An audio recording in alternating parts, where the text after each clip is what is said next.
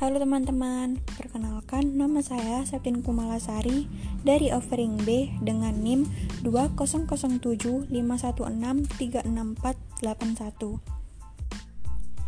Kali ini saya akan menjelaskan mengenai media pembelajaran yang bisa digunakan oleh guru saat pembelajaran luring dan berbentuk non-digital.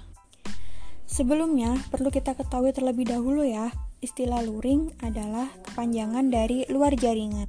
Sebagai pengganti kata offline, kata luring merupakan lawan kata dari daring. Dengan demikian, pembelajaran luring dapat diartikan sebagai bentuk pembelajaran yang sama sekali tidak dalam kondisi terhubung jaringan internet maupun intranet.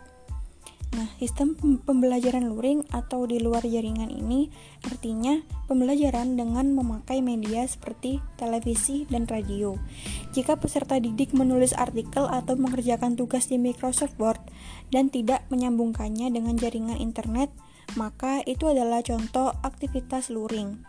Dan jika manusia melakukan offline conference dengan bertemu secara langsung tanpa menggunakan internet, hal itu adalah contoh aktivitas luring.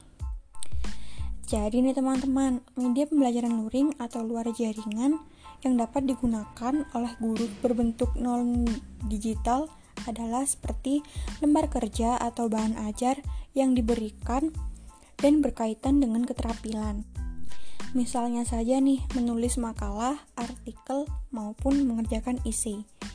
Ada juga seperti pemberian modul sebagai sumber baca teman-teman dalam alat bantu pemahaman materi yang diberikan oleh dosen. Nah, sekian dulu ya teman-teman. Penjelasan dari saya, kurang lebihnya mohon maaf. Wassalamualaikum warahmatullahi wabarakatuh.